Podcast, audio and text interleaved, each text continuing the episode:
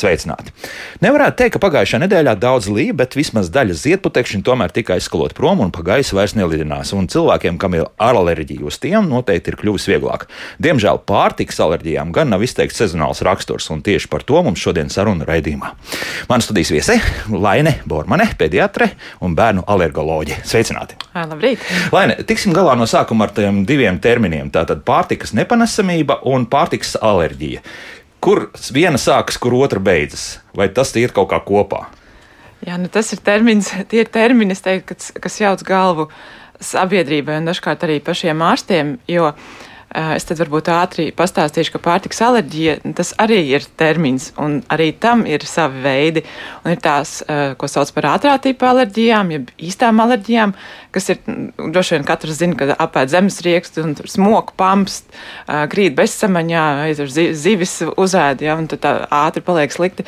Tās ir tās īstās alerģijas, un tās arī nerada parasti problēmas, jo simptomi ir ātri, uzreiz, viss, viss ir skaidrs, kurš produkts, bet ir tāda lieta kā vēlīnas pārtiks alerģijas. Un tās parasti izpaužās ar kādiem izsitumiem, ar gremošanas traucējumiem, un šīs reakcijas parādās vairāku dienu pat laikā. Un, teiksim, bērns šodien apēda olu, bet viņš sāk rīt vai parīt kasīties, pasliktinās dermatīts, un tur ir ļoti grūti dažkārt pat novērot to saistību, ko ēda un no kā palika sliktāk. Un ar, līdzīgi ir arī ar nepanesībām. Arī tur var būt tā, ka cilvēkam ir kaut kādas sūdzības, viņš īsti nesaprot, kas ir, bet tās nepanesības patiesībā arī ir ļoti liela grupa.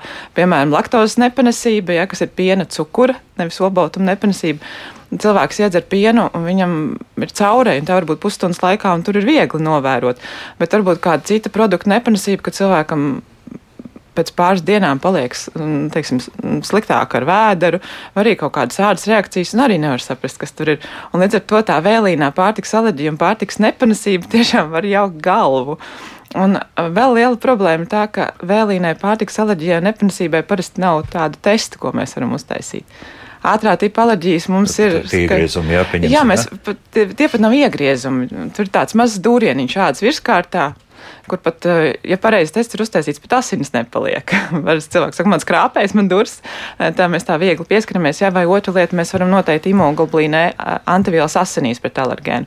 Un ar šiem testiem mēs varam atrast tās ātrā tipa alerģijas, jo tās ir tas, kur ir tās tiešām tās imunoglobulīnē antivielas, kas nodrošina to, ka tā reakcija parādās uzreiz. Antivielas ir organismā, gaida, ka tas alergēns tur ieradīsies. Tas pats ir ar putekšņiem un kaķiem un, un insektu indēm, ja tur ir tā IgE antivielu klātbūtne. Bet vēlīnām pārtiks alerģijām tādu nav. tur ir vienkārši nav. Jā. Vienkārši nav. jā. jā, tur ir citi mehānismi, tur šūnas lēnām sāk darboties, un tā reakcija parādās pakāpeniski.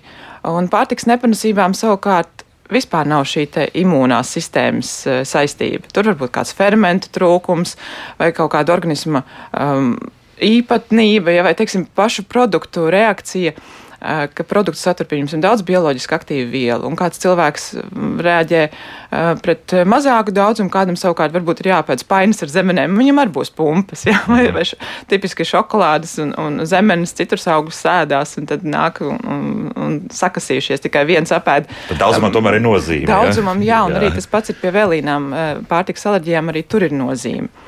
Ja, un tad šīm, šīm divām lietām, vēlīnai pārtikas alerģijai un pārtikas nepanesībai, parasti nav testu, ko mēs varam uztaisīt. Un līdz ar to arī pacients prasa, piemēram, ja mēs ņemam to pašu pienu, ja, piena olbaltuma nepanesība, ja pareizāk teikt, būtu piena olbaltumvielu alerģija ja, un piena cukura nepanesība. Tās ir divas dažādas lietas. Pat tā, jā. Ja, jo alerģija ir pret olbaltumvielu. Ja, tad tas, ko varbūt cilvēki tagad zina, kazīns un alfa-laktalbumīns, tie visi šie te populārie. Jā. Jā, tie ir tie piena olbaltumi dažādie.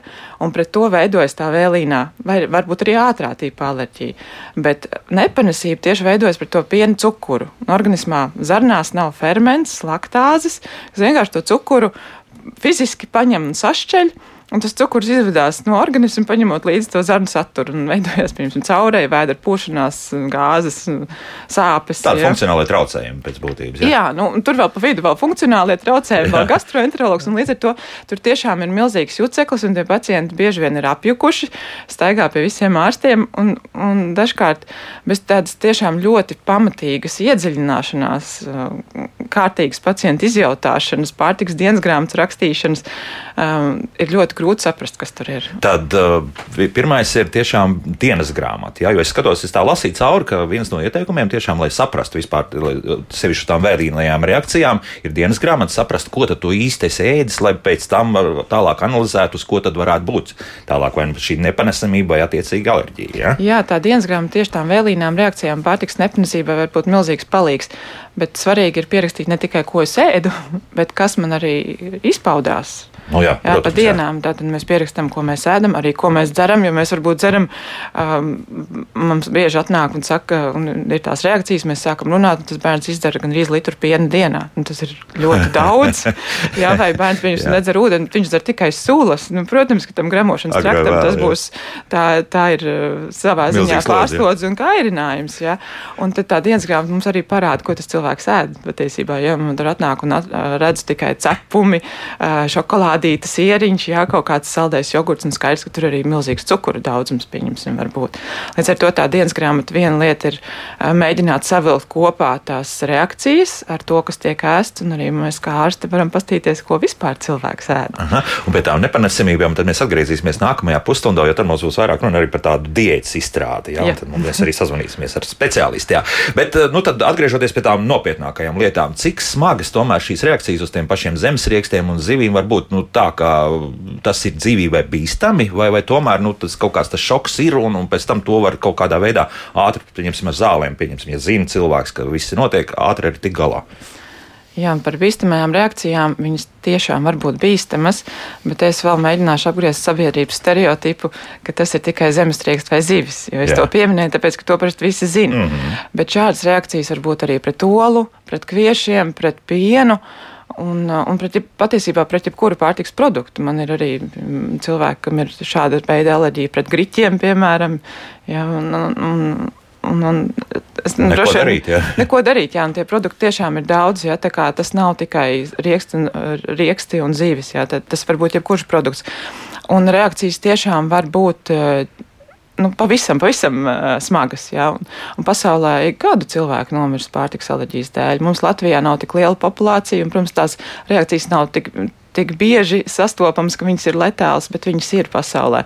Mums Latvijā ir pietiekami daudz cilvēku ar ļoti smagām reakcijām, un jāsaka, viņas paliek ar vien vairāk un ar vien biežāk nāk uh, pacienti tiešām šīm smagajām reakcijām.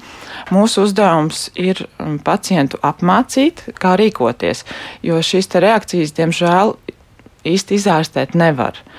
Pasaulē mēģina pieradināt um, pakāpeniski kaut kādas mm, mikrodevas vai varbūt lielākas devas mēģina eh, dot pacientam, lai viņš tā kā ikdienā pierod, bet tas nenozīmē, ka tā alerģija izārstējas. Tas nozīmē to, ka, teiksim, ja viņš iepriekš smaka no tā, ka tas produkts saskārās, pieņemsim to zemesriekstu, tad šobrīd iespējams, ka viņam tur kaut kāds pusgrams vai grams zemesrieksta nenodarīs tik lielu skādu. Protams, viņš nevarēs ēst zemesriekstus no paciņas, ja. Bet tas, ko mēs varam izdarīt, eh, tad pirmā lieta šīs alerģiskās reakcijas diezgan viegli atpazīt un arī pierādīt ar analīzēm. Un pacienti jau parasti atnāk, saka, es tur no, no zivi, apēdu zivi un bija tas, vai, vai izdzēru to pienu un bija tāda reakcija.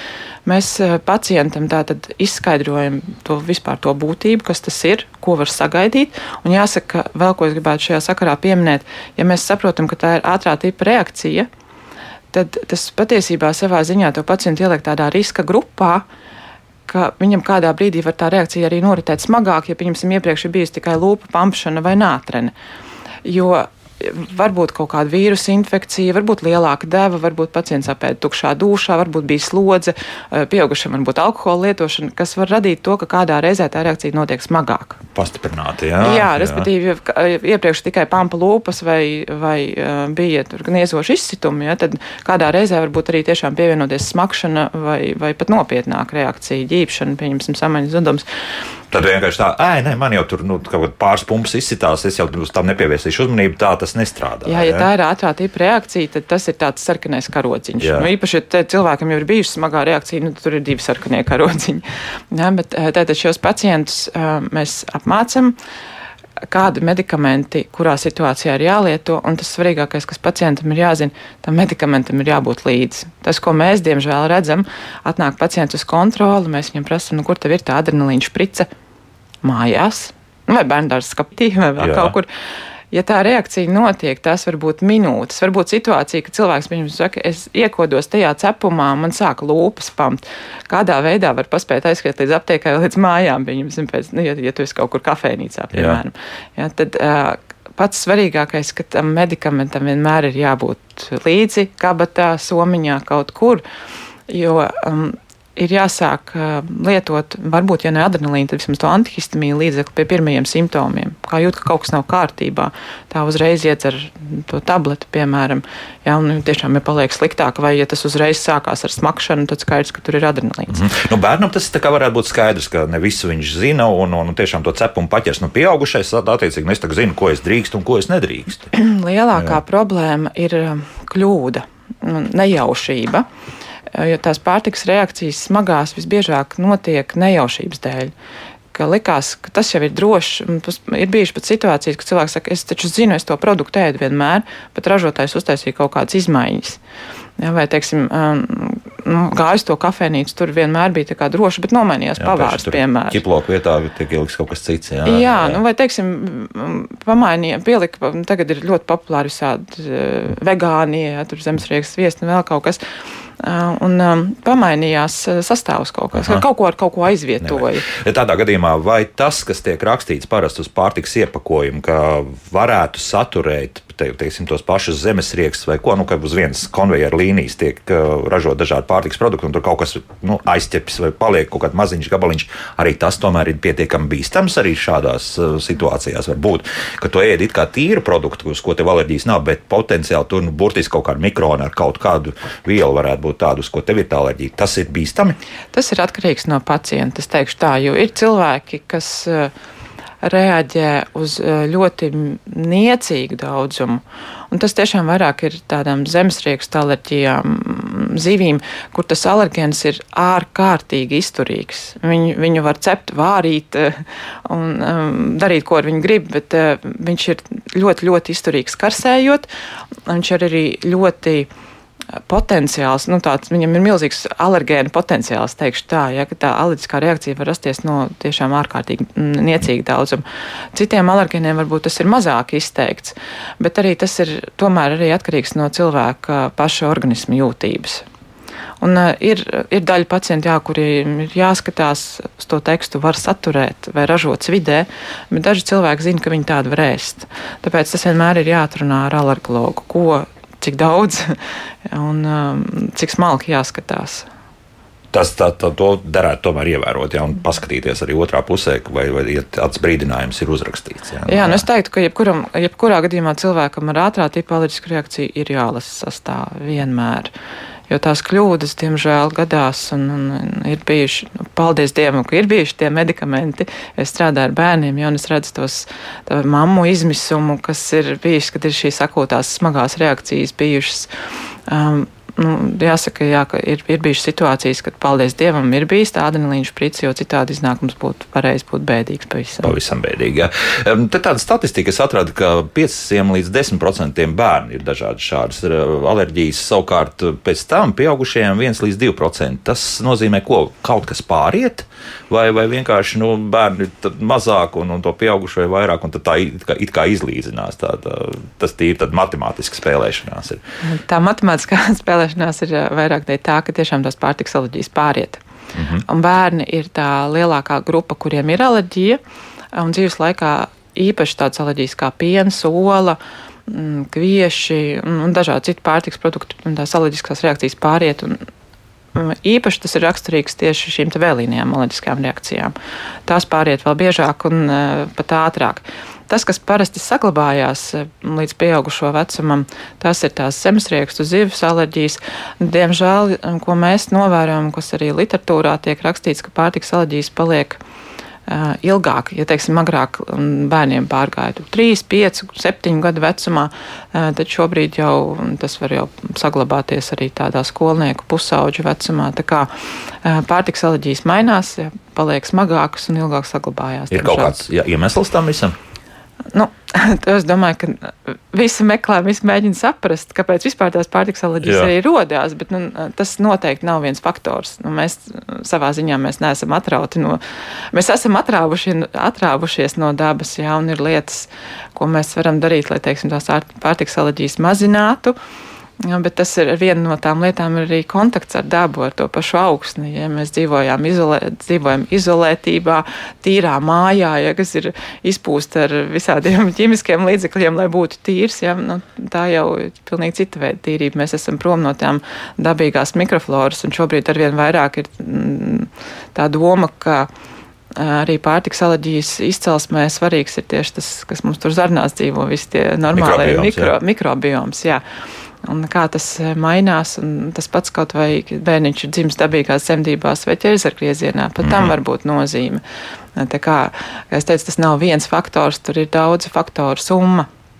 Un, un kā tad ir labāk? Tad, tad, tad, tad dabiskās dzemdības tomēr. Protams, dabiskās, jā. un šobrīd jau arī dzemdību namā es lasīju um, sociālajos tīklos ja, par to, ka mamma pati savu bērnu ir izņēmusi. Un, un, jo te arī tā doma, ka tas ādas kontakts, ja, tā, tā mm. agrīnā zīdīšanas uzsākšana, arī tas maina to mikrobiomu. Un tas nāk par labu tam uh, pārtiks alerģijas, maz, arī pārtiks alerģijas mazināšanai, bet, protams, vispārēji cilvēku veselībai. Tā kā par to nu, tāds arī prieks, ka kaut kas mainās arī šajā jomā. Labi, jā, bet Lēni, jūs gribējāt vēl, nezinu, drīzākais jau atgādināt radioklausītājiem, sevišķi jaunajām māmiņām, ka ar diētām arī ir uzmanīgi jārīkojas. Jā, vai, vai te arī kaut kāda saistība ir ar alerģijām? Nu, pieņemsim to, ka sākam kaut kādu monodiētu un, un, un pēc tam nedomājam par tālākajām sekām. Nu, sakas, te ir visvisādas. Pirmkārt, ko es noteikti gribētu mamām pateikt, es saprotu, ka mammas ir pārgurušas, neizgulējušās, ja tam bērnam sāp ēders vai ir kaut kādi izsitumi. Mammas vienmēr grib labāko un uh, sāk uh, vai nu pašas, vai formos izlasa. Uh, draudzene ieteica, vai varbūt tiešām kāds pediatrs vai ģimenes ārsts ir ieteicis diētas. Un, un to mēs redzam ikdienā ļoti daudz, un lielāka problēma sākās tad, kad tas ir nevis viens produkts, piemēram, tikai nedzer pienu, bet ka sāk ņemt visu pēc kārtas pienu, olas, kviešus, banānus, visu, visu glutēnu, visu, visu izņem ārā no uztaru. Mamma beigās ēd griķus un, un, un gurķus, ir pārgurusi un, un neēdusi, un, protams, tādā pilnīgā depresīvā stāvoklī un tās diētas turpina ilgstoši, nedariet māmas to aiziet, aprunājieties ar alergologu. Bieži vien tās diētas vispār nav vajadzīgas. Tas ir viens. Otrkārt, ja tā diēta pat ir vajadzīga, biežāk tas ir viens, nu, divi produkti. Un vēl kas ir tās diētas, lai saprastu, vai viņi tiešām ir vajadzīgi, bieži tas ir nu, divas, trīs, četras nedēļas. Un pēc tam sāk ēst atpakaļ. Mēs redzam mammas, kas atnāk, diēta ir trīs mēneši, pusgadu, un pat nav pamēģinājusi atsākt atsākt to produktu. Tas ir, nu, ir mocība sev. un um, rezultātā, protams, arī bērns tieši, jo mamma ir stresā un bērns un, to jūt. Kas ar piena kvalitāti noteikti? Nu, piena kvalitāte, tāpat jau tas ir atkarīgs vairāk arī no tās, kas te mammai pašai ir, jo piens jau veidojās arī no taukiem, un, bet, protams, ja mamma ir ilgstošā uzturvielu deficītā, nu, tas jau arī ietekmēs arī to piena kvalitāti. Bet uh, vēl ko es gribu arī šajā sakarā mm, pieminēt, ko mēs arī redzam, bērniem bieži vien tiek noņemts uh, uzturs. Um, dažādu testu dēļ, arī fórumu dēļ, um, meklēt uh, iemeslus tajā pašā nepanesībā, un tad mēs redzam šo te četrotni - piens, olas, baltums, kvieši, banāns, kas arī tiek izslēgti uz vairākiem mēnešiem. Un, un, atnāk un stāsta, ka ir labāk, bet patiesībā jau labāk ir tāpēc, ka tam bērnam vienkārši sakārto ēdienu kārtu, viņš neēd visus saldinātos piena produktus, cepums un visu pārējo pēc kārtas. Tāpēc nedariet tādas kļūdas, ka mēnešiem nesēdiniet sevi un bērnus uz diētām, jo tas atstāja arī ļoti lielu emocionālu diskomfortu. Viens, ka tas ir fiziski smagi, grūti sadādzina ēdienkarti, paildzina visu gatavošanas laiku un iepirkšanās laiku, bet arī tīri tam bērnam, nu, ar pieaugušam varbūt pašam tā ir viņa izvēle, ja, vai viņš arī pieaudzis, viņš pats saprot, ka viņš var paņemt līdzi sev uz ballīti kaut ko citu apēst, bet tas bērns jau redz, ka viņš ir savādāks, viņam šito nedrīkst, to nedrīkst, un kā viņš arī jūtas sabiedrībā. Ja? Un, protams, ja tā ir smagā alerģiskā reakcija, ka tu nedrīkst ēst, tad drīzāk ir šīs bailes no tās mm, smakšanas vai pat nomiršanas, ja? kas rada arī ļoti lielu emocionālu um, stresu, stresu un slodzi. Jā. Jā. Bet uh, arī no tām vielīnām reakcijām ir šīs izslēgšanas diētas un īpaši daudz. Nu, tas arī ļoti, ļoti emocionāli ietekmē cilvēku. Ir cita pieeja jāmeklē. Jā. Ir jāmeklē. Ir galvenais pierādīt, jā, jā. tiešām pierādīt, ka tas ir vajadzīgs. Visbiežāk Nē. jo es biju liecinieks vienā bērnu ballītē. Nu, nu, skaidrs, viens meitenītei bija laikam, nu, bija tā kaut kāda nepanesamība vai alerģija pret zemenēm. Nu, un zemeņa laiks Un, nu, tad vecāki pagriezušies kaut kur prom, un uz tā galda tā zemes stāv un mazliet stopē viena pēc otras iekšā. Nu, tā, nu, nu, nu, un ar ko tas viss beigsies, nu, grūti pateikt. Jā, bet, bet nu, tādas lietas notiek. nu, tur jau tā ir tā, nu, tas bērns jau, nu, viņ, viņš taču Nu, bērni nav stulbi, viņi visi saprot. Viņi pirmkārt ļoti daudz bērnu atnāk un saka, es nedrīkstu. Un tad, kad mēs saprotam, ka viņš tomēr drīkst, tad mēs sākam, nu, tad pamēģināt pa vienu, vienu divus, pamēģināt šito, un tad viņi atnāk uz kontrolas vizīti, un tas bērns ir laimīgs. Viņš ir dzēris pienu, viņš ir ēdis no banānu. Jā, bet, nu, par zemenēm tad drīzāk nu, reti ir tāda tiešām īsta zemeņu alerģija. Biežāk tas ir arī tās mm, reakcijas, kad nedaudz var, bet vairāk, kad apēd, tad ir sliktāk. Un tas ir pumpas kaut jā, pumps. Nu, es tieši par tām jā. pumpām gribēju jautāt, tad uz to kaut kā jārēģē ir vai nē, vai vienkārši, nu tad, tad nē, nedosim veselu kilogramu apēst, bet, nu, lai, lai apēd 30 gramus, pieņemsim, tādu sauju ar zemenēm, un ar to būs labi. Nu, es parasti saku, skatieties no tā, kā jūtas bērns. Jā. Ja tas bērns apēdīs divas zemes, nu, vienalga, tad to vienu zemeni, viņš būs absolūti laimīgs, viņam pēc tam būs trīs pumpas kas viņam nekādā veidā neapdraudēs dzīvi, bet viņš būs laimīgs, ja viņš ir apēdis to zemeni. Nu, tad vecākiem ir jāizvēlās, nu, par ko viņi vairāk satrauksies. Par laimīgu bērnu vai trīs pumpām. Nu, trīs pumpas var, var pasmērēt ar kādu smēri. Ja. Cita lieta, protams, ja tas bērns apēd zemenes, viņš ir nokasījies tā, ka viņš nevar gulēt, un mm -hmm. visa ģimene nevar gulēt, vai viņam tiešām pēc tam ir slikti. Ja. Nu, nu, tad jāmeklē alternatīva, kā izvietot tās zemenes. Varbūt var melnēs ēst, piemēram. Ja. bet mēģināt arī atrast to līdzsvaru starp uh, nedrīkst un, un varbūt tomēr bišķīt drīkst. Jā, nu, neizslēgt pavisam ārā, jā, tā, lai tā zemenes ir. Bet uh, tiešām tā zemene ir tik uh, tāda nu, augsti alerģisks produkts, nezinu, nu, loga. Kā es arī savā šeit raidījumā, nu, pirms pāris gadiem tas bija, bet, bet nu, bija tā teikts. Jā, ka... jā nu, zemenes ir viens no tiem produktiem, kas satur daudz bioloģiski aktīvas vielas. tas ir viens, un otra lieta, um, ko vecāki zina, um, diezgan bieži viņi saka, tās zemenes pirkt varu, šī tās zemenes pirkt nevar. Ja, no šīm zemenēm nekā nav, no šīm savukārt bērns ir nokasījies. Kā, nu, tomēr ir arī droši vien starpība tajā, no kurienes tās zemenes ir nākušas. Mhm. Un, un stāsts par zemenēm ir diezgan tāds arī viens no sabiedrības stereotipiem par alerģiju. Ja? Tas ir vairāk dēļ tā, ka zemenēs ir šīs daudz bioloģiski aktīvās vielas, un te atkal ir par to nedaudz parasti var, bet jo vairāk ēd, jo sliktāk ir. Tāds pats stāsts ir ar šokolādi un citrus augļiem. Mēs katru gadu uz Ziemassvētkiem uh, redzam Ziemassvētku jauno gadu laiku ir mandarīnu stāsti. Jā, jā un tad līdzīgi, jā, līdzīgi, pumps, jā, un, un, un šokolādes tieši tāpat. Tā mm -hmm. Tad tas nozīmē tā, ka, jo tur interesanti runājot ar biologiem, stāsts, pieņemsim, par tām pašām alerģijām, nu, ziedputekšņa alerģijām, ka, nu, biologi vismaz, nu, tā domā, ka iespējams tas, ka bioloģiskā daudzveidība ārpusē mums samazinās, un līdz ar to, līdz ko kaut kas uznāk drusku vairāk nekā parasti, tad cilvēki tiešām reaģē alerģiski uz, uz daudzām lietām, ko viņi ikdienā nesastopas. Kaut gan nu, mēs principā jau to runājam arī par to, kas arī tajā pašā mājā notiek, ka mēs dzīvojam sterilā vidē.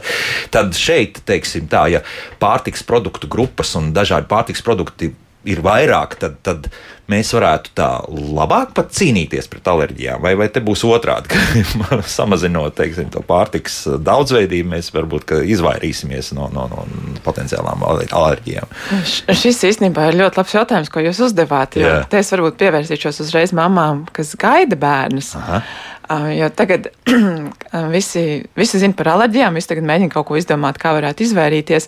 Un tad ar domu, ka, nu, ja es nedzeršu pienu, bērnam nebūs piena alerģija, ja es nedīšu to, tad viņam nebūs. Jā. Vai, te, vai, nu, vai varbūt kaut kādas citas situācijas. Patiesībā ir tieši pierādīts, ja mēs no kaut kā izvairamies, tad tas risks uz alerģiju pieaug. Un līdz ar to, ja cilvēkam nav alerģija, ja viņam nav nekāda simptoma vai tāpat nepanesība, viņa, viņš ir vesels, viņam nevajag neko izslēgt. Mamma sēž grūtniecības laikā visus, ja, visus produktus, ja, ja viņām, nu, ja vien pašām nav kaut kādas problēmas, ja arī tos pašus zemesriekstus ir jāēd. Un vēl viena lieta arī par šo te agrīno piebarošanu. Ja, agrāk, nu, laika gaitā, protams, tā arī piebarošanas ideja ir mainījusies, kad ko sākt, bet arī tomēr tagad ir pie, pierādīts, ka agrīnāka piebarošana bērn, bērniņam uh, mazina alerģijas risku. Respektīvi, nevajag piena produktus sākt pēc gada, olu sākt tur, nezinu, pēc pusotra gada, piemēram. Nē, tā doma ir šobrīd tāda, ka mēs sākam bērnu piebarot starp 16 un 24 nedēļām. Tas ir 4 līdz 6 mēnešu vecumā. Un uh, tādā veidā tā, ir tā doma, ka alerģiskās reakcijas var samazināt, to attīstību samazināt. Un vēl viena lieta arī, ka tagad ir populāri cilvēki taisa testus, paši iet uz laboratoriju, uztais testus, un tad redz, tur kaut kāda cipara ir un visu ko izslēdz. Ja nav nekādas reakcijas, um, turpinam ēst. Un arī tas, ko mēs darām, ja mēs redzam, ka cilvēkam ar alerģiju mēs kaut ko jau varam atļaut ēst, teiksim, nu, viņš nevarēs apēst, pieņemsim, nezinu, putras bļodu, bet viņš var apēst vienu karotu putrus. Vai, pieņemsim, viņš var nedaudz apēst to zelta, un viņam tas vairs nerada reakciju. Mēs sākam šo te pieradināšanu, ja, respektīvi, pat cilvēkam ar alerģiju dodot to, pret kā viņam ir alerģija, nelielās devās, mēs varam pātrināt, kā alerģija pāriet. -hmm. Tāpēc lieki neko neslēdzam, mēģinam šo daudzveidību ieviest. cauri, un tad jau redzēs, kas tālāk notiks. Jā, jo, jo skaidrs viens tās, tās smagās reakcijas parādās momentāli. Un... Un tās jau ir vairāk vai mazāk zināmas diezgan ātri. Ja? Jā, tās parasti nesakādā diagnostikas problēmas, protams, ar viņām sadzīvot ir daudz, daudz grūtāk. Jā, mums uh, sāk parādīties jautājumi mājaslapā. Es spriežu, pēc viss būs daudz to, bet viens jautājums uh, vēl šajā nu, pirmajā raidījuma nogriezienī - vakcīna alerģijas. Par, ne par šodienas tematiku, protams, mums prasa. Nu, tādas pastāv nenoliedzami. Ja? Ir, jā, bet uh, dzīvē ir pierādījies, ka ir daudz mazāk nekā par viņām domā. Ak, tā, jā. bet, nu, teorētiski var būt kaut kāds procents, viens, divi no visas kopējās populācijas teorētiski. Jā, to es jums, būt, jā. procents es jums jā, pateikt. Bet, bet tas, jā, bet, tas ir salīdzinoši niecīgs. Jā, tas ir salīdzinoši niecīgs daudzums, jā. Bet ir. Patiesībā alerģija būtu droši vien pilnīgi pret jebko. Jā, tas gan. Lūk, tā, laiks mūzikai, pēc mūzikas turpināsim mūsu sarunu un arī sazināsimies. Mēs ar uzturu speciālisti. Tas pavisam drīz pēc divu ar pus, nedaudz vairāk sekundēm būsim atpakaļ.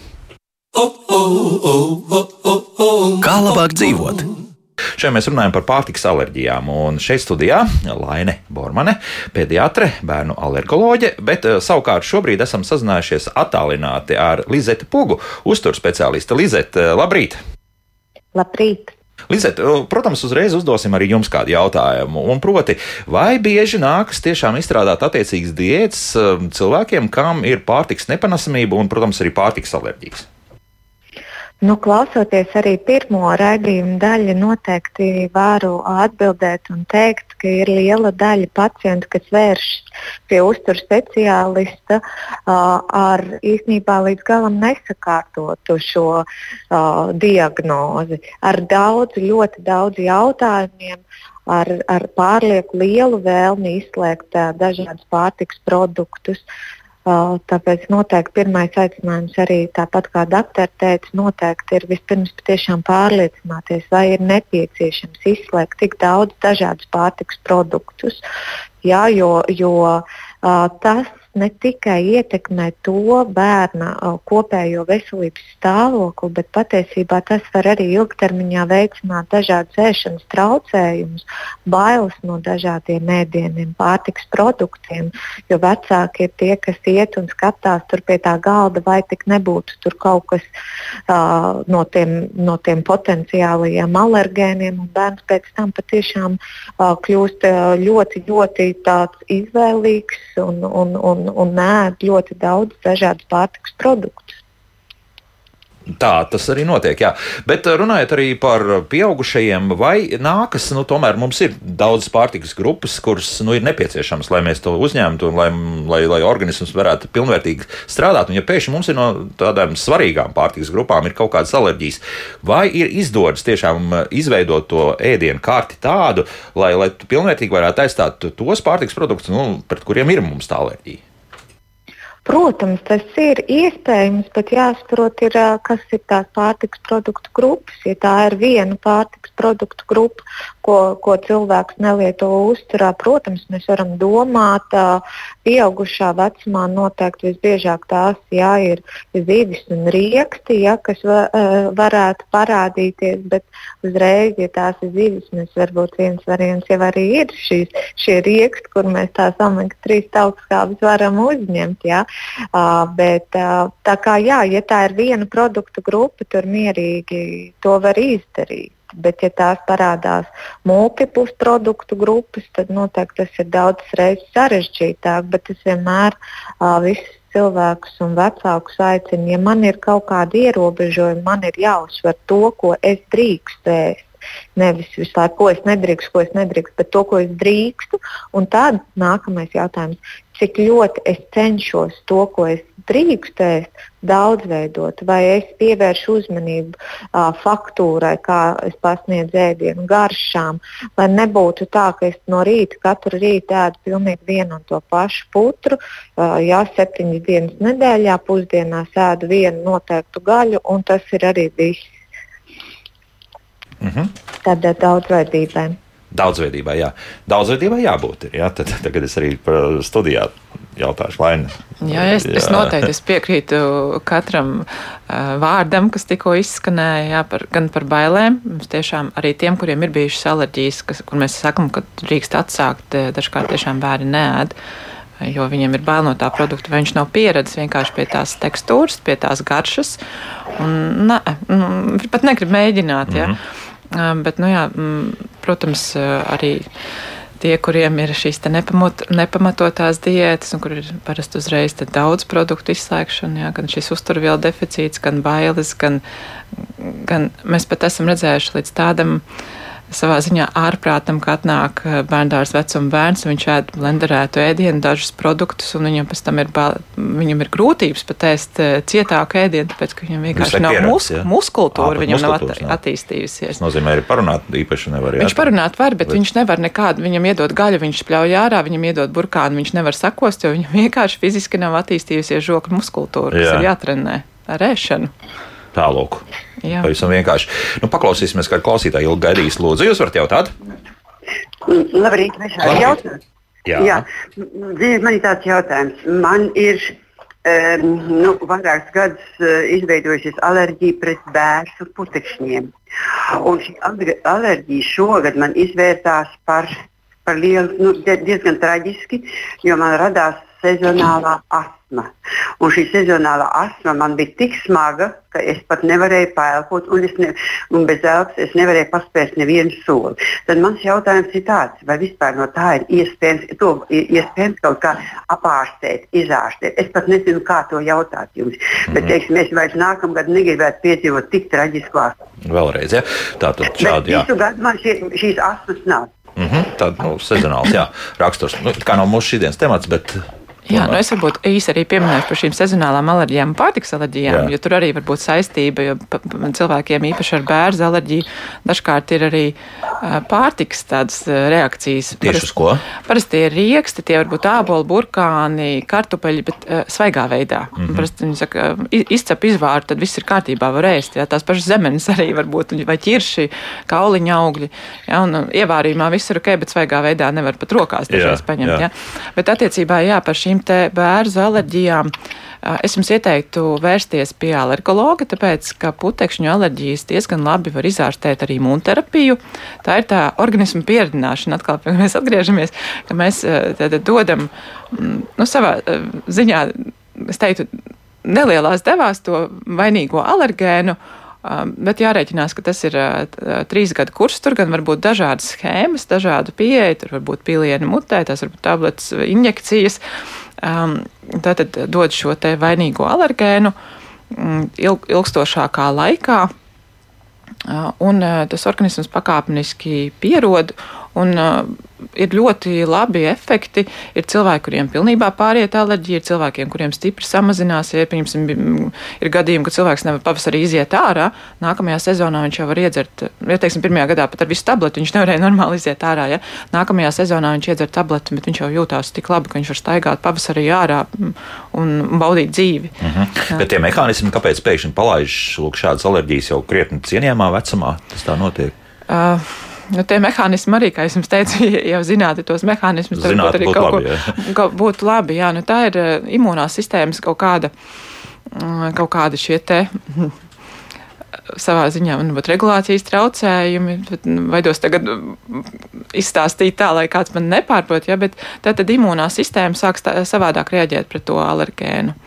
Un dažkārt tas var būt nu, tie palaidē mehānismi arī var būt kaut kādi. Ja, pieņemsim, cilvēks piedzimst ar to savu noslieci uz alerģiju, un viņš dzīvo kārtīgi, kā, viss tā kā ir kārtībā, bet tad ir kaut kādi vienkārši pat vīrusu infekcija pārslimo un sākās alerģija, jo tā imūnā sistēma kaut kā savādāk sāk reaģēt.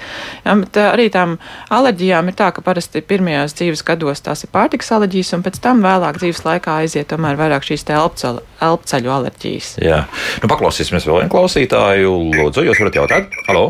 Jā. Es vēlreiz atgriežos ar savu bērnu alerģiju. Jūs minējāt par to, ka ir iespējams ārstēt viņu. Es viņu ārstēju, divus gadus pēc kārtas dabūju injekciju. Vārds sakot, man paņēma, es nezinu, kā to sauc, man paņēma asins, mēs esam sajauca zālēm un laid atpakaļ. Divus gadus man nebija alerģija. Šogad man parādījās tik smaga, bet es tiešām šīs, es būtu pieradusi pie šīm zālēm divus, divos gados, uh, un, un viņi man vairs neiedarbojās ja ir kaut kāds cits iespējas no, no tā izvairīties. Jo tā patiešām bija traģiska alerģija. Jā, Jā es uh, domāju, ka es saprotu, paldies par jūsu jautājumu. Es domāju, ka es saprotu, par ko jūs uh, teicāt. Jā, tātad imūnterapija tas nenozīmē, ka jums ņem asinis un lēž atpakaļ. Tas ir tā ir pilnīgi cita pieeja. Imūnterapijas gadījumā jums asinis neņem, uh, jums dod medikamentu. Tas ir eh, paņemt tātad flakoniņu no leduskapja, ja, sasilda eh, un tādā veidā injicē. Ja. Tātad tas ir medikaments, tās nav jūsu asinis, ko ar kaut ko, eh, kaut ko ar viņām izdara un laiž atpakaļ. Ja. Tātad tas ir medikaments. Tie varbūt arī to medikamentu dažkārt arī pilina zem mēles vai cit, citas tās ievadīšanas mehānismi, bet tad imūnterapija nozīmē to, ka jums netiek dots jūsu asinis atpakaļ, bet jums tiek dots bērza alergēns apstrādātā veidā, lai viņš neizraisītu alerģisku reakciju, bet lai viņš ietekmētu to imūnsistēmu tādā veidā, ka imūnsistēma sāk pieņemt to mm. alergēnu. Nu, tā tas notiek, jā, tad tas ir tā kā ekstrakts bez mazliet, jā, kaut kas tāds vai, vai ne? Nu, savā ziņā varam teikt arī jā. kā ekstrakts, jā, bet tā doma, jā, ka tas ir tātad um, mazāk alerģisks uh, alergēns, uh, kas uh, nodrošina to, ka uh, tā organisma reakcija notiek tādā vairāk. Imūnās sistēmas līmenī, bet neizpaužās simptomos. Protams, kādreiz arī varbūt alerģiskā reakcija parādās. Mm -hmm. nu, to, tas ir alergologa kompetencē, tā alergologa uzraudzībā, tāpēc tas notiek un katrs gadījums ir, nu, tiek izvērtēts individuāli. individuāli diezgan loģiski, jā. Vēl mums jautā, meitai līdz 25 gadiem nebija laktozes nepanesamība, bet tagad ir un ļoti izteikti arī lūpu satūkumu un čūlas uz pirkstiem. Kāpēc tā un no kā tas izveidojas ar gadiem? Nu, par gadiem mēs jau teicām, jā, te burtiski pietiek kaut kāda viena vīrusa infekcija, lai, lai kaut kas mainītos organismā. Jā, nu par laktozes nepanesību es jums tur, mm, ja tur čūlas, un tas nav īsti tipiski tādai laktozes nepanesībai. Laktozes nepanesība tomēr te ir vairāk gremošanas traucējumi, jo, nu, kā es teicu, tā laktoze nesašķeļās zarnās un, un rada caurēju un gāzi, gāzi uzkrāšanos. Um, tur ir uh, jāskatās, kas tur vēl ir apakšā, kāpēc pamst lūpas. Lūpa pamšana tas jau tomēr vairāk liecina par alerģiju, bet par laktozes nepanesību runājot, tas ir fermenta trūkums. Un tas dažkārt ir maziem bērniem, pēc tam tās zarnas nobriest un viss ir kārtībā. Vai attiecīgi ar vecumu mēs pakāpeniski to pienu, cukuru ar vien sliktāk sašķeļam un tā nu, laktozes nepanesība var, var jā. parādīties. Jā. Jā. Bet, eh, protams, arī eh, nu, teiksim, ir tāpat pārslimotā kaut kāda zarnu infekcija var īslaicīgi radīt kaut kādu laktozes nepanesību. Dažādas lietas, arī kaut kādas citas zarnu saslimšanas var, eh, var, par, no, var, var radīt sekundāru laktozes nepanesību. No nu jā, tā ir jāapskatās, kas vēl tur jāsaka. Ja tur notiek, ir čūlas un lūpu pampšana, es jums noteikti ieteiktu vērsties pie ārsta un tiešām pie alergologa, uztaisīt testus un saprast, vai tur ir tikai laktozes nepanesība. Jā, jo tālākā dzīve vēl ir ilga un gara, un kāpēc Jā. to nedzīvot ar labu teiksim, veselību un, un, un pašsajūtu.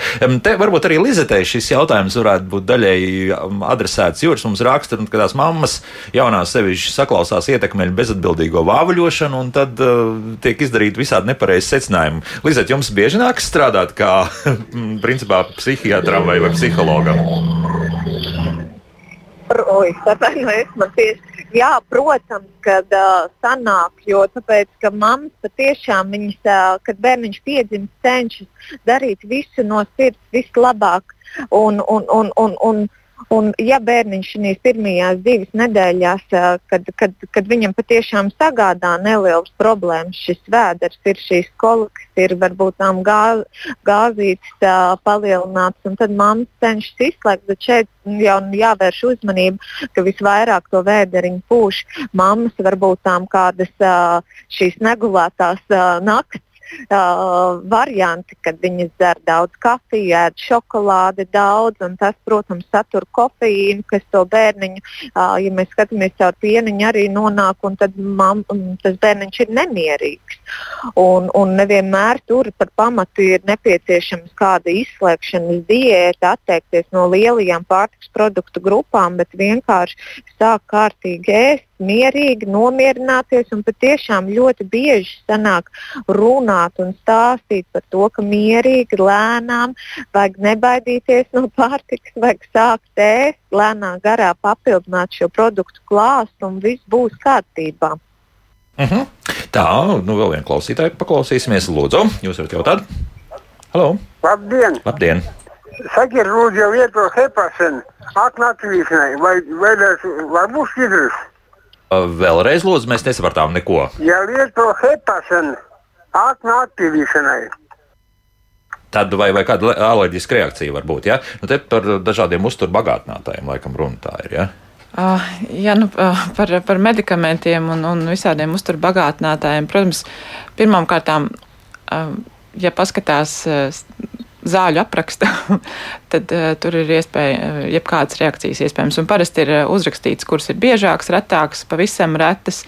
Un, um, Protams, ka no, jebku, no jebkuriem medikamentiem vai uzturbagātinātājiem ir iespējams kaut kādas reakcijas.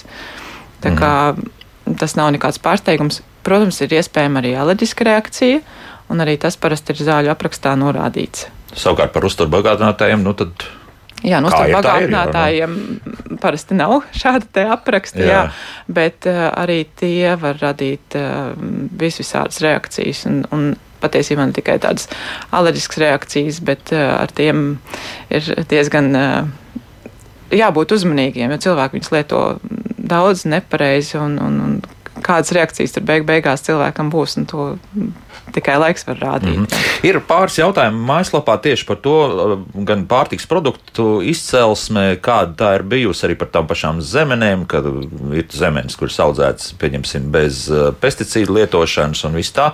Nu, to mēs nevaram izslēgt, ka kaut kas, uh, kā ir audzēts konkrētā pārtika, ka tas varētu arī atstāt ietekmi uz to, kā cilvēks tālāk reaģē uz, uz šo konkrēto pārtiks produktu. Es teiktu, ka tam ir milzīga ietekme. To es, to es redzu savā praksē, un to mammas arī pašas bieži ievēro uz bērniem. Saka, to tajā veikalā var pirkt, vai to, to firmu var pirkt, to nevar. Tā kā, nu, ja, ja cilvēks atnāk un saka, bērnam ir, teiksim, es nezinu, alerģija pret brokoli, un tad mēs sākam runāt, viņi saka, bet mēs tagad pērkam citu, citu, citu citā veiklā, citu ražotāju jā. vai vienalga bio, uh, eko, un no tā nekas nav, skaidrs, ka tā nav alerģija. Nu, tā, tur ir kaut kas cits, jā, mm -hmm, nu, apakšā, kā, jā. apakšā, jā, jautājums, ar ko viņi ir apstrādāti vai, vai audzēti, jā. Tā kā, nu, tam tomēr ir nozīme. Tas mm. nav, protams, visos gadījumos. Un, un te atkal ir uh, nozīme tam, cik tas organisms ir jūtīgs pret, pret visu, dažādām ko... šādām lietām. Jā. Jā. Uh, Vēl jautā par, arī ne par šīs dienas tematiku, bet saules alerģiju čūlas. Uz rokām neviens zied nepalīdz, tad ko saules teros nedrīkst uzturēties vienkārši. Jā, nu te būtu jāvēršās. Uh, um, arī vai nu pie alergologa, uh, vai varbūt pat pie dermatologa. Un jāsaprot, nu, cik smaga tā alerģiskā reakcija ir. Jā, diemžēl tās saules alerģijas ir, viņas nav tik bieži, bet uh, ir. Jā, un, un tur vajadzētu konkrēti individuāli izrunāt, uh, ko var darīt un kā izsargāties. Mm -hmm. Tas arī ir dažādi smagumi. Jā, savukārt mūsu radioklāstā Ilzi jautā šādi: meitai uz tipiskiem alergēniem alerģiju nekonstatē. Alergologs tālāk negrib meklēt, dermatologs saka, jūtīga gāda. Pleķīša arī viens paliels vienā konkrētā vietā uz kakla, bet kur nav ārēji kairinājumi. Man šķiet, ka tas tomēr varētu būt kāda alerģija. Ko es kā darīt? Nu, vēl turpināt pētīt, vai pagaidām nu, nu, ir pleķis, ir pleķis. Uz to nereaģēt. Tā ir tas, ko es iepriekš teicu. Jautājums, cik tas ļoti traucē bērnam. Visbiežāk netraucē. Mums atnāk vecāki, saka, bērnam nu, tur briesmīgi izsitumi, ja mēs saprotam, ka viņam ir savs vaiga, piemēram, vai tas viens pleķītis. Um, stāsts ir par to, ja mēs varam to pleķīti sakopt ar, ar krēmiem ar uh, lokāliem kādiem ārstnieciskiem līdzekļiem. Mēs to darām. Mēs netaisam bērnam šo lielo diskomfortu un visai ģimenei jā, kaut kādām izslēgšanas diētām. Un otrkārt, visticamāk, ka viens pleķītis tā nav alerģiska reakcija. Jā, kas, nu, kas dažkārt, ko mēs atrodam, ja tie bērniņi kaut kādiem pleķīšiem vai to pašu vienu pleķīti beig, beigās izrādās tomēr, ka pārskata to ēdienu kartu un, un beidz lietot visādus šos saldinātos piena produktus, biezpienu sieriņus un, un, un cepumu šokolādus. Un viss pazūd, jā. Tā kā arī tam vajag tomēr pievērst uzmanību, bet es vēlreiz uzsveru, tā nav alerģiska reakcija. Un to mēs liksim kategorijā pārtiks nepanesamība kaut kāda vai, vai, vai vienkārši. Uh, nu, Ja tas ir vienkārši, ka bērns ēd daudz cukuru, tā nebūs īsti tāda nepanesīga. Tas ir jau diētas kļūdas. Jā, savukārt, Lizetē, es vēl pajautāšu, nu, bieži pēc tam, kad šīs diētas faktiski tiek mainītas, rezultāti ir pozitīvi, vai tie meklējumi pēc tam arī turpinās, lai, lai tomēr rad, radītu pietiekami šādu pareizo diētu, lai, lai cilvēks jūtas labi un bērns arī jūtas labi. Nu, es teiktu, ka vispār ir dažādas tās situācijas. Tiešām vecāki citreiz griežas, jā, bet mums tomēr, tomēr kaut kas ir. Mēs tur mēs cenšamies izslēgt un skatās. Uh, diezgan populāra arī lieta, ko esmu ievērojis, ka ļoti bieži, uh, piemēram, vecāki uh, bērniem ar lieko svaru uzskata, ka viņu bērniem ir kādas šīs pārtikas alerģijas un nepanesamības un, un, un, un, un vēršas ar, ar šādu domu, ka nu, mums jau nekas nelīdz. Es domāju, ka mums ir, viņi domā, ka viņiem ir jāizslēdz kāda pārtikas produktu grupas, bet šeit jau patiesībā ir līdzīgi kā ar tiem pleķīšiem. Ir jāizslēdz tas cukura apjoms, kas nāk caur dažādiem jau gatavajiem pārtiks produktiem, dažādām smalkmaizītēm, uh, jā, šiem saldajiem piena produktiem un neregulārs varbūt vai ēš, ēšana pārāk daudz. Tāpēc um, nu, jā, ir jāskatās līdzi un, un, un jāsaprot kāda ir šī situācija un cik ļoti nepieciešama ir šī diētas modifikācija. Un varbūt patiešām šī uzturu dienas grāmata, ko vecāki nevienmēr grib rakstīt, jo uzskata, ka tas ir sarežģīti un ko tas tagad dos. Bet tas patiesībā arī pašiem priekš sevis ļoti labi piepalīdz saprast, vai ir problēma vai nav. Un beidzot apskatīties, kas tad notiekās, vai, vai, vai mans bērns ēd veselīgi līdz galam. Vielu pārdomām, vielu pārdomām. Un vēl noslēdzošais jautājums, Iveta jautā, sāsināt rēģēju uz kafijas smaržu. It kā jāšķaud, jāklepo un it kā apgrūtināt elpošanu, vai tā ir alerģija, vai tas ir tikai galvā? Nu, ja, ja tā ir tiešām apgrūtināta elpošana jau kā astmas laikam, ja, tad tur noteikti ir jāiet pie alergologa vai pulmonologa un jāsaprot, vai tur nav apakšā astma. Bet, nu, galvā mums arī viss, kas slēpjas, protams, bet tā var būt arī kaut kāda paaugstināta elpceļu reaktivitāte, ja tas um, elpceļu gļotāde ir tāda pārāk jūtīga un kaut kāda izteiktāka smarža rada kaut kādu reakciju. Tā kā tur arī var būt uh, dažādi zemūdens akmeņi, ko vajadzētu saprast, kas tur apakšā slēpjas. Mm, tad tomēr pārbaudīt kārtīgāk, kas ar to visu notiek. Šodien liekam punktu.